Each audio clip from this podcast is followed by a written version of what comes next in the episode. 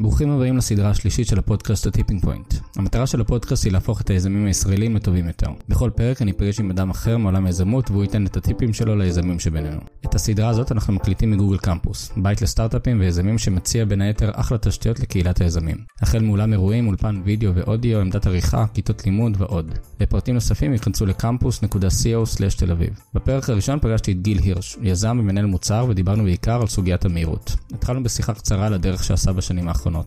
מהעבודה באקזקט, האקזיט ב Face.com, המעבר לפייסבוק והחברה הנוכחית StreamElements. משם צללנו לתוך נושא המהירות. דיברנו על גיוס עשרת האנשים הראשונים בצוות, איך מטמיעים את הצורך במהירות על ידי תזת ערך מאוד ברורה, והבנה איפה היא פוגשת את השוק.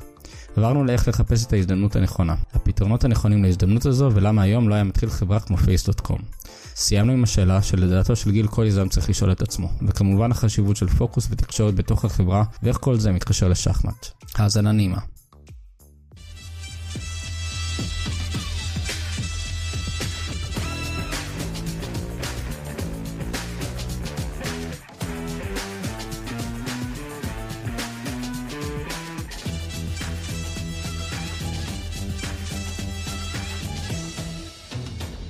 גיל, אהלן, מה קורה? חם ומגניב. חם, כן? בא- באולפן הממוזג הזה? אבל מגניב. כן. אה, מה נשמע? טוב, תודה. יופי. אה, אמצע תל אביב, אה, לא, לא הכי פשוט, אפילו הגעתי לפה על קורקינט. כן, האמת שליים, יש להם סך הכל פיזור לא רע של קורקינטים, אז אני כן, מתחיל לבדוק את זה. מצד שני, אני אומר לעצמי שאני כמו מתאבד שיהיה כל פעם שאני עולה על הדבר הזה. זה, כן, זה כי הרי אין מסלולים מסודרים, אתה עולה, יורד ממדרכות, כמעט, כמעט פוגע באלף אנשים בעובר אה. אורח או באיזה משאית. אה, כן, אנחנו נדבר על מהירות ועל כל, ה, כל הבעיה של זה. אה, בוא, בוא קצת תספר על עצמך ל- לקהל המאזינים שלא מכיר את הפועלך, מה שנקרא. אוקיי, אני גיל הירש, עד לא מזמן אה, מנהל אה, מוצר בפייסבוק, עשיתי שם אה, שני דברים בגדול, הייתי חצי מהתקופה הצוות של, של Messenger. עשינו שם ביחד את ה pivot מ messaging ל Messenger, מהאפליקציה שאתם מכירים היום, ואחרי זה, ב- ביום שהכרזנו על וואטסאפ, פחות או יותר עברתי לצד של ads, לא הכרתי את התחום הזה בכלל, וסיימתי שם תפקיד בסוף בלהריץ את קבוצת ה targeting. מהמם. אמ, האמת שאם משלבים את זה עם העובדה שהגעתי לפייסבוק עם זיהוי פנים, זה הופך אותי די לאיש רע. אמ, לפחות מהתחום של פרטיות, אבל אני, אני, אה, אתה מבטיח שלא עשיתם... אתה יודע, לא, האמת שרע אה, רע באמת לא יצא מזה החוצה אה, בקדנציה שלי, אבל אתה יודע, גם גם כשאתה מכוון לטוב, דברים רעים תמיד יכולים לקרות. כן. וזהו, והיית לפני זה ב Face.com. כן. כן, הייתי המנכ"ל, אחד היזמים, אמ, כן, חמש שנים של אה, grind ארור, בוקר עד לילה. כן. עשיתם, אה, כאילו, מי שלא מכיר, עשיתם אה, זיהוי פנים, גם טכנולוגיה שעד, לפחות ממה שאני קראתי, עד אז לא הייתה קיימת, נכון? היא הייתה הכי טובה. אני חושב שגם מה שעוד עשינו שהוא חכם היה זה להנגיש אותה מאוד. ב-API מאוד פשוט, ברמה של קריאה אחת, שתיים, אתה, אתה יכול להפעיל טכנולוגיה שהיא מטורפת בסרברים שלנו. אה, בעוד אה, המתחרים, מה שהם היו מציעים זה כל מיני SDKים שצריך לעשות דאונלוד ואז לאמן לבד, ו- תקשיב, זה היה סיוט. גם ב-AI היום, באופן כללי, שזו הרחבה של התחום שלנו, אה, אתה תראה ש, שעברו מאוד לש, לשירותי AI, כמו שאמזון נותנת וכמו כן. שגוגל נותנת, אה, וזה מאוד שינה את הפרדיגמה של עבודה על פרויקטים מהסוג הזה. כן. אה, והיום אתה אה, בצוות של סטרים אלמנטס. נכון. גם, גם, בין היתר. גם, אבל בוא נגיד שזה ה day job הכי משמעותי שיש לי אה, היום. כן. אה, שאגב, זה shift, כאילו, זה...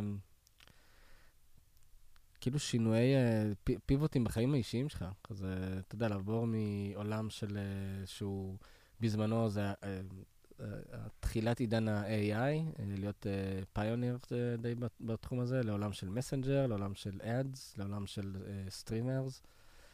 תראה, העולם הטכני הוא, אני חושב שהוא לא מיוחד אה, רק, אה, רק לי או לך אפילו, אתה יודע, לשפוט לפי ההיסטוריה, זה, זה עולם שמשתנה המון, וההזדמנויות שם הן רבות ומשתנות גם כל הזמן. והדבר הנכון הוא אה, לפתח איזו אג'יליות מסוימת ולהסתכל מה הגל הבא או הגלים הבאים ולבחור אחד שהוא מתאים לך ולזנוח את זה שאתה נמצא עליו לפעמים אה, עוד לפני כן. שהוא מת לגמרי. ולעבור הלאה. זהו, הכי נוח לך היה אה, פשוט להמשיך לעשות אה, טכנולוגיות של זיהוי פנים או טכנולוגיות של, אה, או לפתח... אה, לא, אני חושב שאחרי חמש שנים אה, או שש שנים, אה, אם לכלול עוד איזה תקופה בתוך פייסבוק, אה, אתה יודע, אתה ממצה את הדברים האלה באיזשהו שלב. והצוות הטכני המשיך, זאת אומרת, זה לא שהוא נפסק, ומי שאהב ורצה להמשיך על זה, יש לנו שני יזמים שם, את, אה, את אה, אורי עדן ואת אה, יניב טייגמן, שהיה CTO גם של החברה ו-co-founder. הם המשיכו לעבוד על הדברים האלה, והמשיכו משם גם ל-AI ודברים נוספים. כל אחד ממשיך בסוף לפי מה שמעניין אותו, אבל אני חושב שמה שבסוף מאחד את כולם זה שכל אחד המשיך למשהו שהוא חדש. ועל הדרך, וזה, שוב, זה חוויה אישית שהיא לא מיוחדת בעיניי, זה, אתה צריך להמציא את עצמך מחדש. כן. אה, אנחנו, התחום הזה של הייטק, אני חושב, אנחנו, אנחנו די בני מזל שאנחנו מהראשונים שנדרשנו לעשות את מה שטוענים שעכשיו כלל האוכלוסייה תצטרך ללמוד לעשות בגלל אוטומציה, mm-hmm. ולמצוא מקצועות חדשים אחת לעשר שנים. כן. עכשיו, בהייטק זה אחד לעשר שנים, זה עוד לנוח עכשיו. כן. אחת לעשר שנים זה שמונה שנים היית במרתף. אפילו בתוך פייסבוק הרגשתי שאני צריך להמציא את עצמי מחדש כל חצי שנה בערך, כשעברתי uh, מפרויקט לפרויקט, ודברים, uh, אתה יודע, זה מאוד challenging להיכנס לתחומים חדשים, שווקים חדשים, uh, וגם טכנולוגיות חדשות. כן. זה נראה לי גם קצת אופי של יזם, שאתה... יש, יש יותר כאלה שמעדיפים את זה, ויש כאלה שפחות, אבל אני כן חושב שברגע שאתה נצמד למשהו שעובד, אין, אין, לי אין בעיה להיצמד אליו. זאת אומרת, אני לא מחפש כל פעם את הריגוש החדש סתם בשביל להחליף. להפך, אני, אני, אני, אני הייתי מעדיף להתחייב למשהו לתקופה משמעותית. אבל לא תמיד, אבל אתה לא יודע, יצא. בשוק, בשוק הזה זה קורה.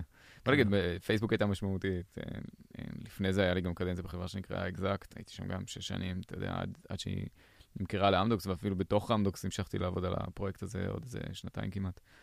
Uh, זאת אומרת, אני, אני לא מאלה שקופצים בשביל לקפוץ. כן. להפך, אבל אה, אני גם, אותך. אני גם כן אה, מאמין שנכון יהיה לגדל את הדור של היום. מי, ש, מי שהיה לו איזה בטן על מילניאלים, ש, שאין להם נאמנות למקום העבודה, זה בולשיט מוחלט בעיניי. כאילו שלמקום העבודה יש נאמנות לאנשים שלו, אין. כן. אני, אני, בסוף אנשים מקבלים החלטות שהן עסקיות במהות שלהם, אה, ו, וגם בן אדם כאינדיבידואל צריך לחשוב על עצמו ככה ולהשתמש בפלטפורמות האלה, שכל עוד זה מקדם לך את ה... את האספירציות שלך, ואתה לומד, ואתה מתקדם, אז סבבה, ואם זה נעצר, אז אה, איזה ערך יש לנאמנות, לא, לא מאוד גדול בעיניי. כן, לא, לא, לא צריך לקחת את זה לפינה של נאמנות, צריך לקחת את זה נראה לי לפינה של... זה הופך להיות אלטרואיזם. מיותר בעיניי באיזשהו שלב, אתה כן. יודע, שרוב האלטרואיזם הוא גם ככה מיותר, אז, אה, אז, כן. אז במקרה הזה, בטח בעסקים, זאת אומרת, זה, לא יודע. אני, אני לא מאלה, אבל אני כן חושב שכל עוד אתה, אתה מביא ערך ואתה מוצא משמעות במה שאתה עושה, אין סיבה לעזוב את זה. כן. אמ, לקחנו את השיחה למקום אחר, אבל זה לגמרי מעניין. אשמח ככה ש... שנדבר על, על שני דברים. נתחיל מהדבר הראשון, שזה אה, מהירות, וכמה זה חשוב ל... ליזמים, ומעבר לכותרת המפוצצת, אז גם איך תכלס... אה, איך עושים את זה? איך תכלס עושים את זה, ולא אה, מהר מהר, בואו נכתוב את הקוד מהר. כן, לכתוב את הקוד מהר, האמת שזה זה, זה מרכיב, אני הגעתי מ engineering, אה, ואני, אתה יודע, אני כבר לא כותב קוד איזה תקופה, אבל, אבל לא שכחתי, זה כמו לרכב על אופניים, ושמנו לב, כן, בשלב מוקדם יחסית, אה, אני וחבריי למקצוע, שיש משהו כזה שאני, אפילו אנחנו קראנו לו 10x באותה תקופה, עוד לפני שזה הפך להיות איזה משהו שגור, אבל אה, זה הרגיש כמו אנשים שיכולים לתרום 10x. אני כן חושב שנכון בבחירה של האנשים הראשונים שאתה רוצה שיעבדו איתך על מוצר, זה, זה למצוא את ה-10Xים האלה. Mm-hmm. יחד עם זאת, אה, אחרי שאתה עושה את העבודה הזאת, זהו, זה, זה גם לא פשוט. זה, לא השריר המרכזי שאיתו אתה מגיע למהירות mm-hmm. ולהצלחה. האמת שהשריר המרכזי שאיתו אתה תגיע למהירות והצלחה, זה על הצעת הערך שיש לך, זה לעבוד על תזת הערך. ולפגוש את השוק עם התזת הערך הזאת. מה הכוונה? זה נשמע עוד פעם מילים מפוצצות. אבל בעצם כל פעם ש... כאילו, מה זה יזם? יזם זה, זה מישהו שמסתכל על השוק ואומר, הנה הזדמנות, ואני רוצה לקפוץ על ההזדמנות. עכשיו, אני רוצה להפריד בכוונה בין שתי סוגי הזדמנויות, כי אחת היא בעיניי הזדמנות אמיתית והשנייה היא לא. בסדר? הזדמנות אה, המקובלת, ואגב, זה היה הסיפור של פייס.קום באופן, אה, פרדוקסלי, זה הנה טכנולוגיה, או הנה יתרון תח, תחרותי טכנולוגי, שאני חושב שהוא מיוחד, ואף אחד לא ראה עוד טכנולוגיה הזאת ברמה הזאת, או במהירות הזאת, מה שזה לא יהיה. בנגישות הזאת, כמו שאתה אומר גם. נכון, ואני אני, אני מזה אומר, אוקיי, הנה, אני, הנה הערך בעצם. הערך הוא הטכנולוגיה. Mm-hmm. עכשיו, יש חברות שיכולות לעשות מזה כסף, ובסוף Face הייתה חברה טכנולוגית במהות שלה, והיא הרוויחה, זאת אומרת, על זה שולם הכסף גם. לעומת זאת, אה, הערך הזה, צריך לזכור, הוא ערך די נמוך ב, ב, בשוק. היום אני לא יודע אם הייתי מתחיל חברה כמו Face, שב core שלה בעצם יש טכנולוגיה, כי, כי אז מה שאתה מוצא את עצמך זה, אוקיי, זו טכנולוגיה שמחפשת business. Mm-hmm. עכשיו, תמיד התחלנו מאיזה אזור מסוים שהוא היה ב social. אז זה לא שהיינו נטולי business או נטולי תזות consumer, אה, ורוב העבודה שלנו הייתה consumer, אבל בסוף מצאנו את עצמנו בכלל ב developer ecosystem, אה, עוזרים לגדולים יותר מאיתנו להצליח יותר בגדול. אתה אומר ש... עשיתם את הטעות הזאת של כן. ללכת קודם כל לפתרון טכנולוגי ואז לחפש בעיה ש... ככה זה הרגיש. בוא נגיד, התחלנו כמוצר, זה לא שלא התחלנו כמוצר, אבל מהר מאוד הטכנולוגיה נהייתה סקסית, ופנו אלינו אנשים שאמרו, היי, אנחנו יכולים להשתמש, ואז אמרנו, אוקיי, בוא ננגיש אותה, כן. אה, ואנחנו נצבור דאטה ככה, והם יקבלו טכנולוגיה, זאת אומרת, היה פה איזה trade-off די ברור. אה, ואמרנו, כשנגיע לאיזה מסה מסוימת של, של דאטה, גם נוכל לתת שירותים מסוג אחר לגמרי. ו...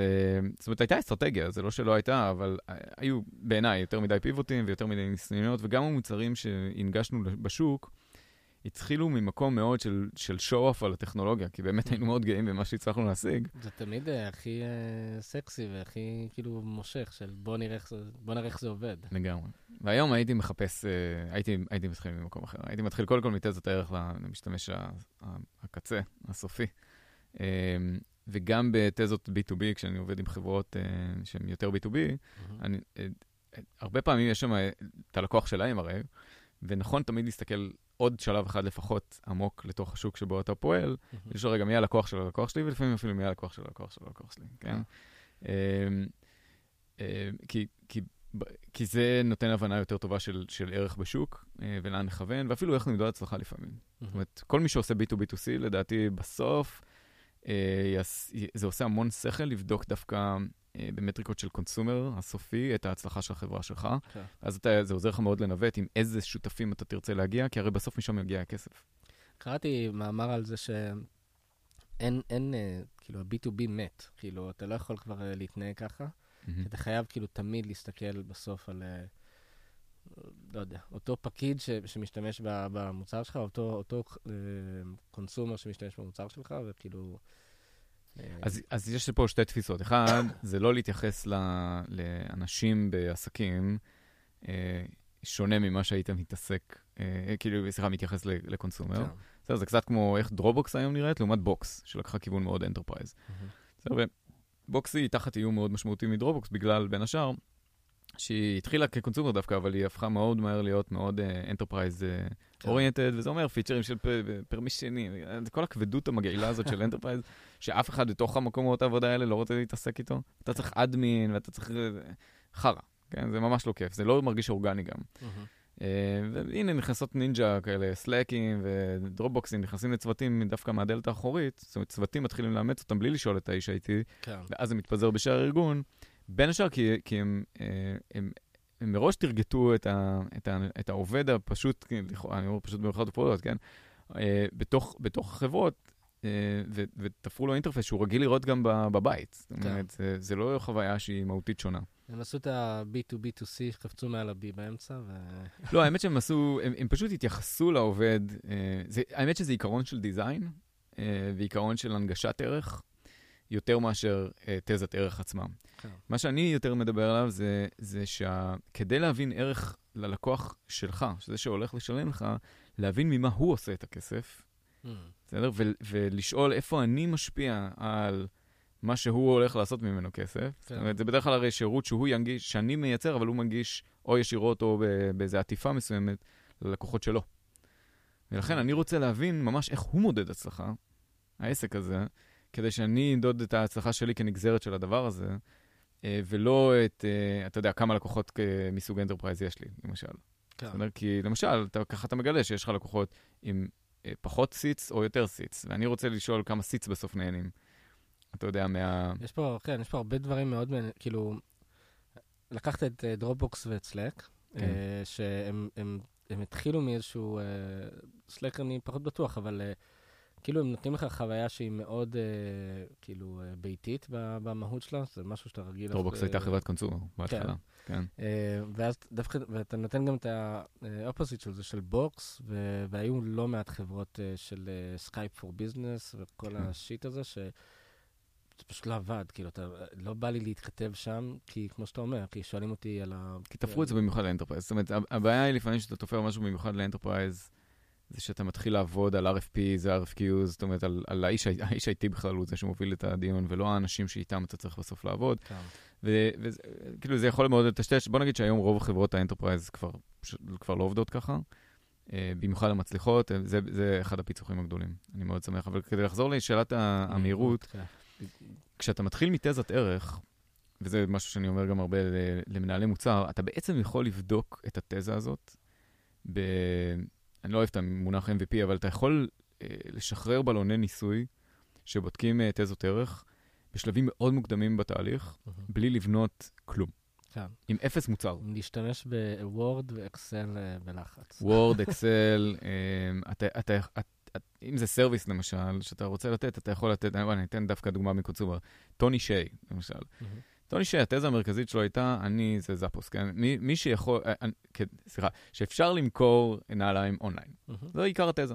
עכשיו, הוא לא היה האונליין הראשון, זאת אומרת, אמזון כבר הקדימה אותו והיו עוד כמה כבר, אבל נעליים זה כבר, זה, זה תחום הביגוד הראשון, אני חושב, שעלה אה, באופן משמעותי לרשת. מהמם. אה, וכדי להוכיח את התזה הזאת, הוא הרים אתר פשוט, שאל, אה, אה, כאילו, לקח משם הזמנות, והלך לחנות נעליים וקנה שם את הנעליים ושלח לאנשים. זאת אומרת, הוא לא הקים מערך שלם רק בשביל להוכיח את התזה הזאת. כן. זאת אומרת, זו בדיקה יחסית זולה. אגב, מי, ש, מי שרוצה, תקראו, תקראו לבן אדם הזה.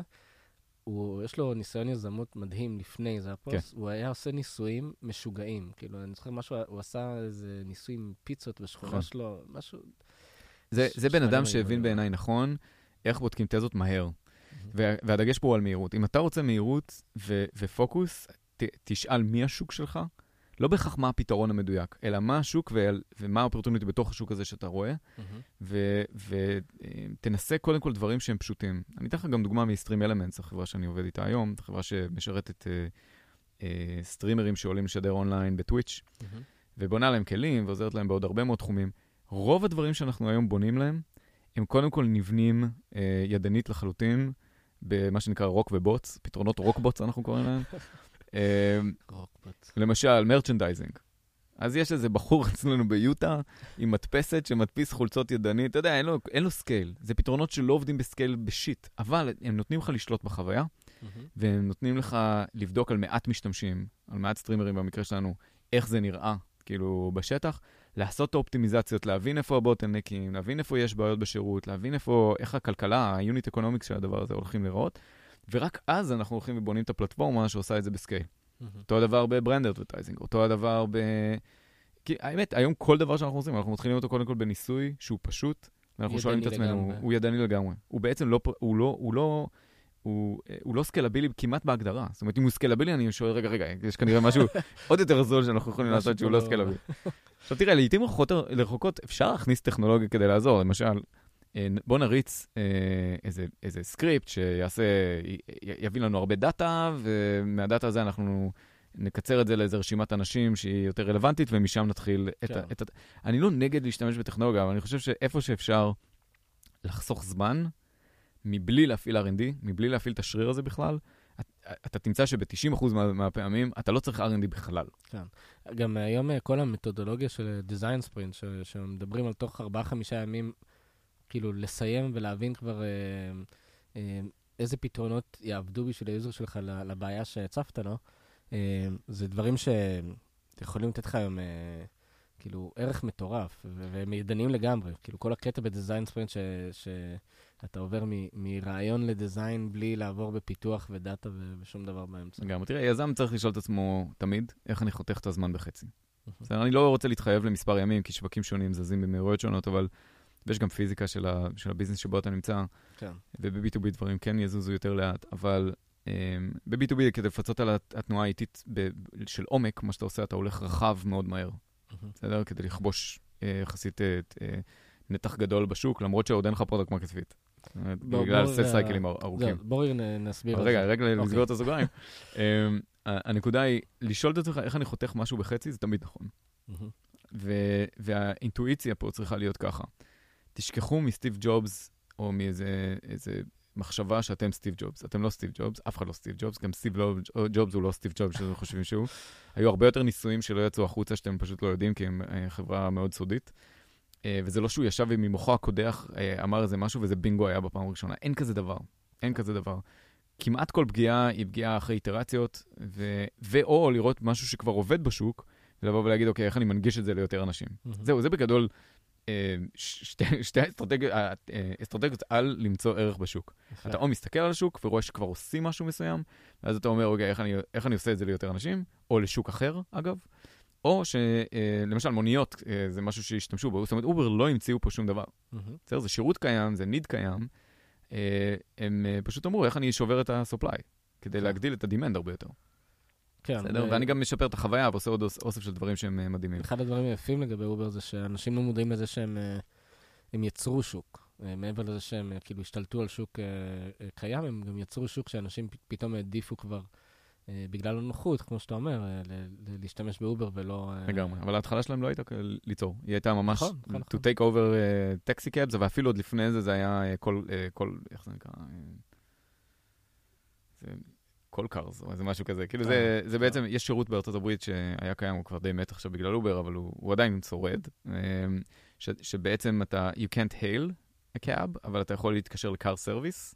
בסדר? ולהזמין אליך סוגים של town cars כאלה. אה, אוקיי. אה, ואז הם באים ואוספים אותך, זה כמו ספיישל. בסדר? זאת אומרת, היה שוק של ספיישל אה, שממנו אובר התחילה.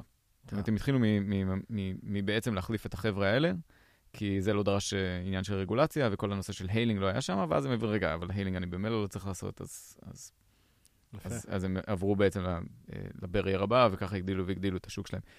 פייסבוק אותו דבר, התחילו באוניברסיטאות, אה, ראו שיש product market fit, החבר'ה התבגרו, התחילו לעזוב את האוניברסיטאות, שאלו, רגע, רגע, יש לי עוד חברים, אבל הם לא עם EDU, מה אני עושה? ואז כאילו, אוקיי, פתחו להם את, ה- את הרשת, ובום, זה היה בעצם product market fit מחדש, בסדר? על, על הזדמנות שוק חדשה.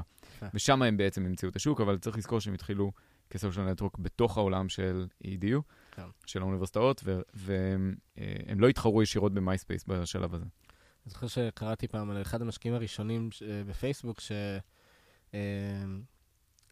הוא היה ממש בין הראשונים, שהוא אמר שאין סיכוי שזה יתפוס בקולג' אחר, כאילו באוניברסיטה אחרת. כן, טוב, כאילו לא הכירו את מרק. באיזה- זה תפס באיזה- באיזה אוניברסיטה אחת או שתיים, והוא אמר, אין סיכוי שזה יתפוס בכל האוניברסיטאות, אה, ועל זה הוא אה, כאילו לא השקיע, אבל אה, אבל זה זה תפס קצת יותר מזה, זה...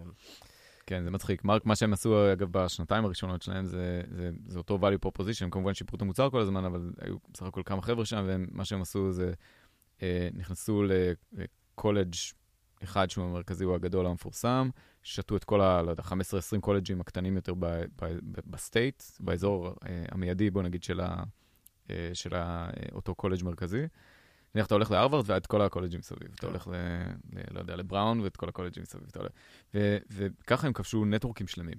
כי הם הבינו את ה network effect ואת המשמעות שלו, אבל גם רצו לחנוק תחרות, וככה צריך לחשוב. תתחיל עם low hanging uh, fruit, ותכבוש איתו את כל, ה, את כל השוק, ואז יש לך base, ועם ה base הזה אתה יכול להתחיל לעשות דברים uh, יותר עמוקים ויותר uh, חזקים. אבל אתה צריך לחשוב כמו מישהו שרוצה להצליח מאוד.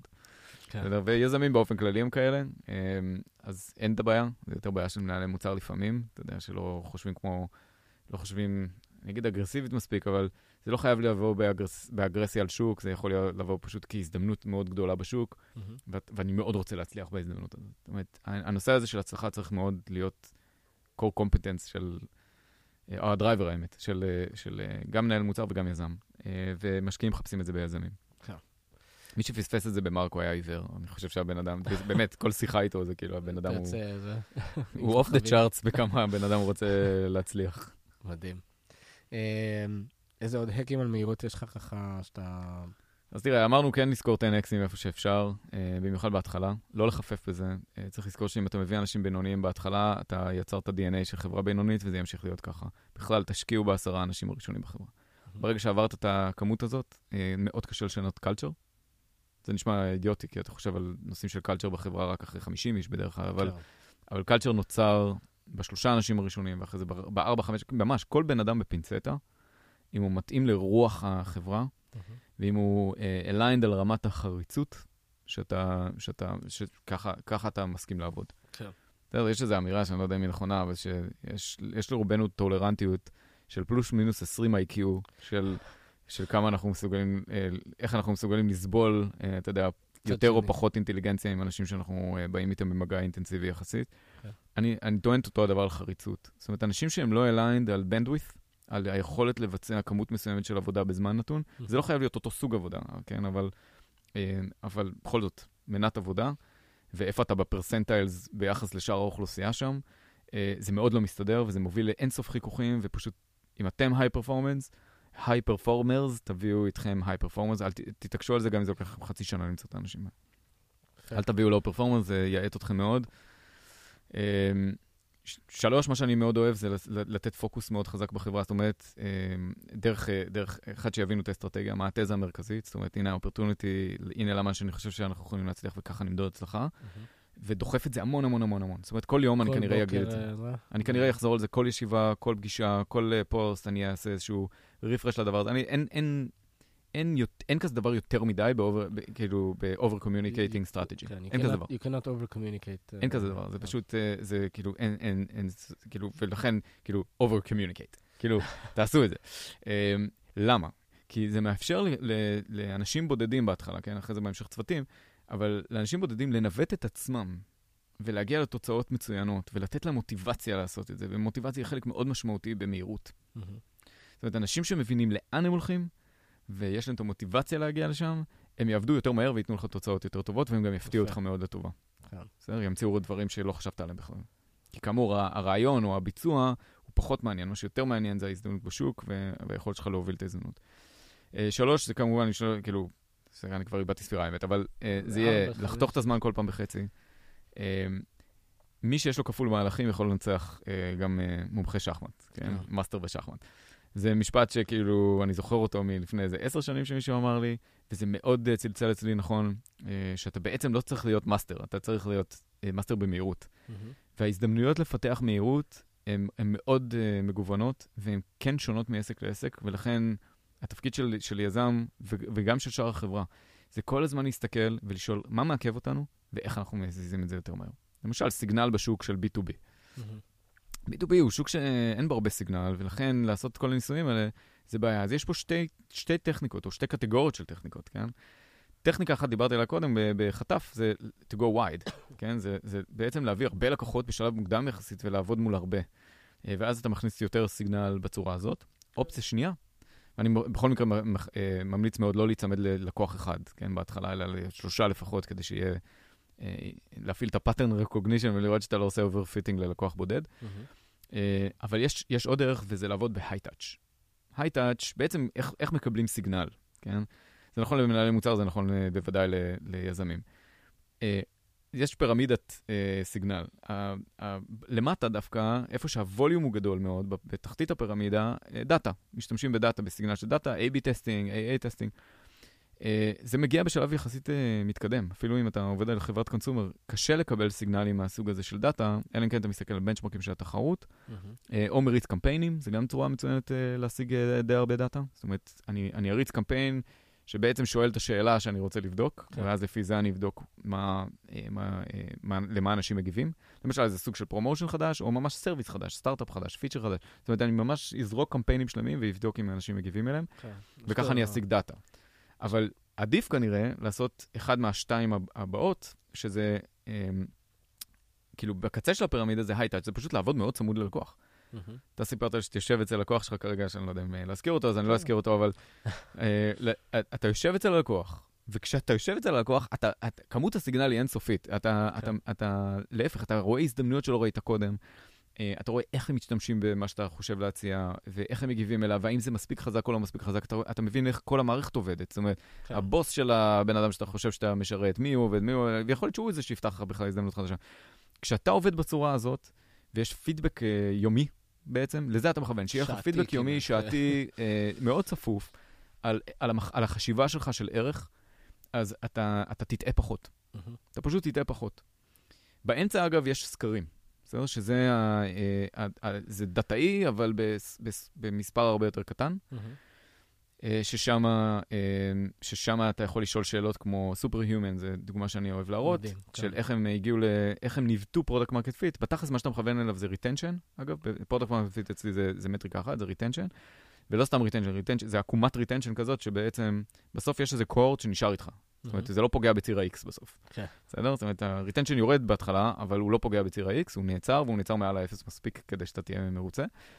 אמ, אז בסוף האופטימיזציה ל-retention, הבעיה ש-retention זז מאוד לאט, כן? זה, זה, אתה לא יכול לעשות A-B טסטים על retention, אתה צריך למצוא proxy ל-retention. אז, אז דאטה זה צורה אחת, למשל engagement עם המוצר שלך, אבל סקר יכול להיות גם uh, מאוד יעיל, ולא NPS, אלא מה שהם עשו זה שאלו, uh, כמה how כן disappointed תהיה, uh, כן, how disappointed you, you, you'll get if, um, if um, this, I, I, This take away the service, yeah. או איזה משהו כזה, כן? ואתה רוצה שזה, הם אמרו 40 אחוז לפחות צריכים לענות very disappointed, בסדר? עכשיו זה threshold שהוא מתקבל מח- בהתאם למה ה-start of funnel שאתה שואל, כן. ולכן אני לא מתחייב על אף מספר, אבל באופן יחסי לעצמך אתה יכול לראות התקדמות על, ה, על הדבר הזה ולשפר עמדות. כן, השילוב בעצם של, אה, של retention והשאלה הזאת של כמה תהיה מאוכזב אם אני, המוצר הזה מחר ייעלם. זה בעצם proxy ל-retention בעיניי. זאת אומרת, כן. אתה בעצם לא חייב להסתכל על retention בשלב Mm. הזה, אתה, אוקיי. you can predict retention עם השאלה הזאת, או שאלות דומות, בסדר? שאלות שבעצם אה, אה, רוצות להראות את רמת ה-commitment לערך שנתת, רמת ה-attachment, כן. אה, לערך שאתה נותן, והאם הערך הזה הוא משמעותי או לא משמעותי. טוב, זה... נגענו פה בכמה דוגמאות, גם... אה, אה, אה, נתת את הדוגמה הזאת של לקבל הרבה דאטה, אז יש את הדוגמה אה, מצוינת של Dropbox, שהם העלו סרטון שהם מראים איך הם מזיזים קובץ במחשב אחד וזה מתעדכן במחשב אחר, ואז הם קיבלו איזה כמה אלפי אימיילים, שזה רק היה... זה אומנם לא דאטה, אבל זה נתן להם, זה כמו איזשהו סקר. בדיקת של האם- demand. כן, האם אתה בדיקת רוצה את זה, הדבר הזה. ככה בודקים demand היום אינטליגנטית. זה כן. אתה, אתה מפריח בלוני ניסוי, ואתה שואל אם הם עובדים. גם כן. Airbnb גם התחילו ככה. זאת אומרת, כן. דיברנו על טוני שי, אבל Airbnb היא דוגמה מצוינת אה, עוד יותר אפילו בעיניי. אגב, גם, גם סופר יומן, אה, מי שלא מכיר אותם, ש, שקצת אה, ילמד עליהם, יש, יש לא מעט אה, פודקאסטים עם, עם היזם שלהם, שלא זוכר את השם שלו עכשיו, ראול נראה לי קוראים לו. אה, הם עשו שם עבודה משוגעת. אה, בכלל, ב, ב, נגעת בזה בהתחלה, של להבין אה, איזה market ואיזה סגמנט במרקט. הוא כאילו אמר, אני הולך לאנשים שהמייל זה, זה החיים שלהם. כן. והוא נתן להם מוצר שהם מוכנים לשלם עליו המון כסף ביחס לזה שהמוצר הזה קיים גם בחינם, או אה, מקביל שלו. אה, והם עושים שם onboarding משוגע, והם לומדים שם מהלקוחות שלהם. סיפור מדהים בכלל, כל... אני חושב שמי שרוצה בכלל לשאול, כי הרבה מדברים על קונסומר ודוגמאות קונסומר, אבל, אה, אבל B2B הוא האמת רוב העסקים, ויש הבדל גדול בין B to, כאילו, small, to small B, כן, כאילו B to SMB, אה, ל- לעסקים גדולים. ההתנהלות היא קצת שונה. אני, אני מאוד אוהב לראות פיצוחים, שאפילו כאלה שעובדים על enterprise, עובדים כל הזמן על לייצר עוד signal, למרות שהם עובדים על לקוחות כבדים, שה-sales cycle שלהם יכול להיות שם משמעותית ארוך. מהמם. אני אתן לך hack אחד שאני מכיר, שהוא הוא מן הסתם גם קשור בסוף למהירות, אבל זה, זה במקום לשלוח אנשי מכירות, כן, שילכו וישבו וידברו ולא יודע מה, אה, אתה עושה בעצם targeting לאנשים הספציפיים שאתה יודע שהם אולי מקבלי ההחלטות, או אולי משפיעים על מקבלי ההחלטות בתוך ארגונים. למשל, אתה יודע שאתה עובד על איזה כלי ב... לא יודע, ב-account receivables, בסדר? משהו משעמם את התחת, אבל uh, בעל ערך uh, uh, משמעותי. ואתה מאתר את כל, בלינקדאין, הולך ומאתר את כל ה... קודם כל אתה שם שמות של, חברות שבעיניך מייצגות את ההזדמנות בשוק, ועכשיו בתוך החברות האלה אתה בא ואתה אומר, אוקיי, בוא נגלה מי האנשים, ממש שמות ספציפיים של אנשים שעובדים ב-account receivables בכל אחת מהחברות האלה שאני רוצה. מהמם. ומאותו רגע אני יכול להתחיל להריץ קמפיינים, שעם, של, לנסות להבין מה האימיילים שלהם, ואז דרך האימיילים האלה ממש למקד קמפיינים עליהם, ולהפציץ אותם, שהם יחשבו שאני חברה ענקית. שכל מה שאני עושה זה אני, אני מוציא איזה 500 דולר, 1,000 דולר, אה, על, על CPM שעולים גרושים, כי מי מטרגט את האנשים האלה בכלל. כן. אה, ושם להם מול הפרצוף, אה, בעצם, אה, זה, זה בעצם ברנד קמפיין, שמעלה awareness אליי, שכשאני ארים אליו את הטלפון, אני אשלח אליו את ה-cold call, בסדר? שה-SDR שלי. ה-Sales Development Representative שלי, כן, שישלח לו את הזה, הוא פתאום מגיע למישהו שהוא כבר חומם קודם. בסדר? ופתאום ה-conversion שם קופצים לשמיים. אתה יודע, זאת אומרת, זה, כן. זה, זה גם מאיץ מאוד. זאת אומרת, זה, אתה אומר, במקום לעבוד עם אנשי מכירות, איך אני עושה את זה מהבית? בסדר? באונליין, בכלים של אונליין. לא, וגם במקום אה, שעכשיו אני צריך להסביר על החברה שלי, אז הוא כבר אה, חודש תרגטת אותו עם, אה, עם ה-brand שלך. ו... כן, ואת- ויכול להיות. שהוא גם הקליק, ואתה הולך קודם כל על אלה שכן הקליקו, ואתה אומר, אתה, אני מחפש איפה יש אינטנט, ולפי האינטנט אני הולך ללכת קודם. יש כל מיני צורות שונות לתקוף את זה, ואני, עוד פעם, זה רעיון ספציפי, הרעיון הזה גם כנראה יהיה רלוונטי לעוד שנתיים כנראה, ואז ימות. זאת אומרת, זה, הרעיונות האלה מתחלפים כמו גרביים. אה, זה, זה לא העניין, העניין הוא לח, לחשוב שבעצם כל דבר שלוקח זמן, אפשר כנראה לשבור אותו בחצי, במהלך לא אה, טריוויאלי, אבל עד- עדיין משהו שהוא לא דורש כסף, אלא דורש חשיבה. כן. ולפעמים הוא דורש גם כסף, אז תגייס הרבה כסף ותעשה אותו. יפה, אה, אתה יודע שזה האק שלא חשבתי עליו בחיים, גם לא נראה לי שהייתי מגיע אליו, של... אה, למדתי עליו מחבר. זאת אומרת, זה לא היה, זה, לא, לא רעיון שאני, זה, אני עזרתי לחברות אחרות לשכלל אותו, אבל זה, אתה יודע, אפשר ללמוד מהרבה חבר'ה אחרים. בכלל, אני ממליץ ליזמים, שאני מניח שזה הקהל שמאזין, כן. אה, לדבר עם יזמים אחרים זה המטרה של הפודקאסט. כל. הזמן, כל הזמן, כל הזמן. לא, ממש לדבר, כי, תראה, להיות יזם זה תפקיד מאוד בודד. ואני אני לא מנסה להעליב חלילה את היזמים שהם לא ה-CEO, אבל CEO מתוך היזמים זה גם התפקיד הכי בודד שיש בעולם. אתה עוד יותר בודד דווקא בגלל שכאילו יש לך co-founder, אבל יש החלטות, במיוחד במ- בכל מיני סיטואציות מעפנות כאלה מול הבורד ומול אה, מול, אה, כל מיני מצבים אחרים, שאתה מרגיש עוד יותר בודד, כי בתכלס אתה האחרון ש... אתה בעצם זה שלא יכול להתלונן לאף אחד. אתה יכול כאילו להביע אי שביעות רצון מול העובדים, אבל זה, הכל אשמתך, כאילו, אין שום דבר שהוא לא אשמתך. כן. אה, אז כל פעם שיש לך תלונה זה כמו תלונה עצמית, ואתה מבין את זה בשלב מאוד מוקדם, כן? אתה מתלונן לעצמך. אתה מתלונן לעצמך, כאילו תעמוד מול הראי ותשאל למה, אוי, שיט, למה גייסתי את הבן אדם הדפוק הזה? אז, אה, אז זה מקום מאוד בודד, אבל יש איזו תרופה, והתרופה היא, היא, היא יזמים אחרים. Mm. בעיקר מנכ"לים אחרים, אבל גם יזמים אחרים. זאת אומרת, היזמים יותר בוגרים, אלה שכבר עושים סטארט-אפ שני ושלישי, זה לא כל כך משנה התפקיד. כן.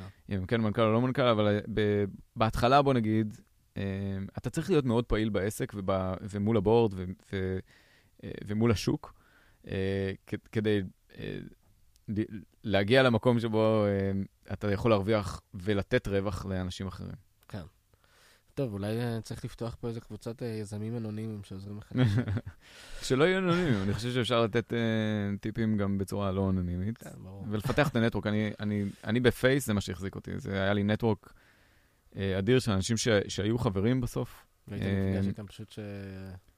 כן, תקשיב, היינו נפגשים בשעות מאוד? מוזרות בלילה, אתה יודע, כי היינו מסיימים לעבוד באיזה 12, אז בדרך לאוטו, פתאום אתה פוגש איזה מישהו, אתה אומר, טוב, יאללה, בוא נשב ונתבכיין אחד לשני. אז קודם כל, גם הערך של התבכיינות הוא מאוד גדול בעיניי. לא, זה- גם עוזר לך... אתה יודע איך זה- יזמים הרי בדרך כלל כשאתה פוגש אותם בדיי ג'וב שלהם, באמצע, ועוד אין טראסט הדדי גדול, אתה שואל בן אדם מה המצב, הוא תמיד יגיד לך, וואי, מעולה, אתה לא מבין. ומה המצב של החברה? אה, אנחנו, we're killing it, כאילו, כן. up and to the right, אנחנו, אנחנו, כי הוא בסיילסמוט, הוא חייב להיות אגב בסיילסמוט. זאת אומרת, כן. זה, זה, או היא, כן, זה, זה מה הוא גם שעושים. צריך להיות באיזושהי אופוריה אופטימית כזאת של כאילו... כן, זה fake it till you make it. זה מאוד פשוט, זה fake it till you make it. כן. אה, טראנוס לקחה את זה קצת לקיצוניות אה, אה, משוגעת. כן. אה, אתמול ראיתי את הסרט תעודה, וגם קראתי את bad blood, זה כאילו, זה סיפור משוגע לגמרי, אבל, אבל אה, רוב, רובנו זה בסדר לעשות אה, fake it you make it, אבל זה מאוד מעייף, כי זה מכניס אותנו לדיסוננס קוגניטיבי של לנהל אותו, זה, זה, זה דורש מאיתנו תעצומות נפשיות, כי אנחנו זה- לא אתה- רוצים לשקר. אתה יכול למצוא את עצמך במאניה דיפרסיה ו...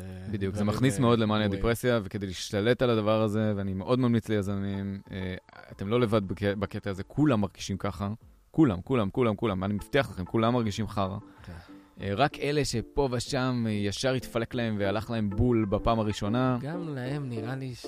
הם בסטרס מסוג אחר. יש את הימים האלה שפתאום, אתה יודע... לא, לא, הם באיזה סטרס מסוג אחר. איזה סטרס של אה, כאילו, shit, אני, מחר זה הולך ליפול. זה- כן. זה imposter syndrome אה, באיזה scale מטורף כזה. כן. אה, אז אז תדברו עם אה, חברים שלכם, הכל יהיה בסדר. זה נראה לי אחד הטיפים אה, שלא נאמרו פה, אבל נראה לי הכי חשובים. טוב, גיל, אה, נגמר לנו הזמן. היה סופר מעניין. אחלה. גם דיברנו על מהירות וגם דיברנו על אה, ממי לשאוב טיפים ב-12 בלילה בחנייה. אה, זהו, תודה רבה. תודה שאירחת אותי. ביי ביי. תודה רבה שהאזנתם לפרק. שתפו עם חברים ותעשו subscribe כי הסדרה רק התחילה. נתראה בפרק הבא.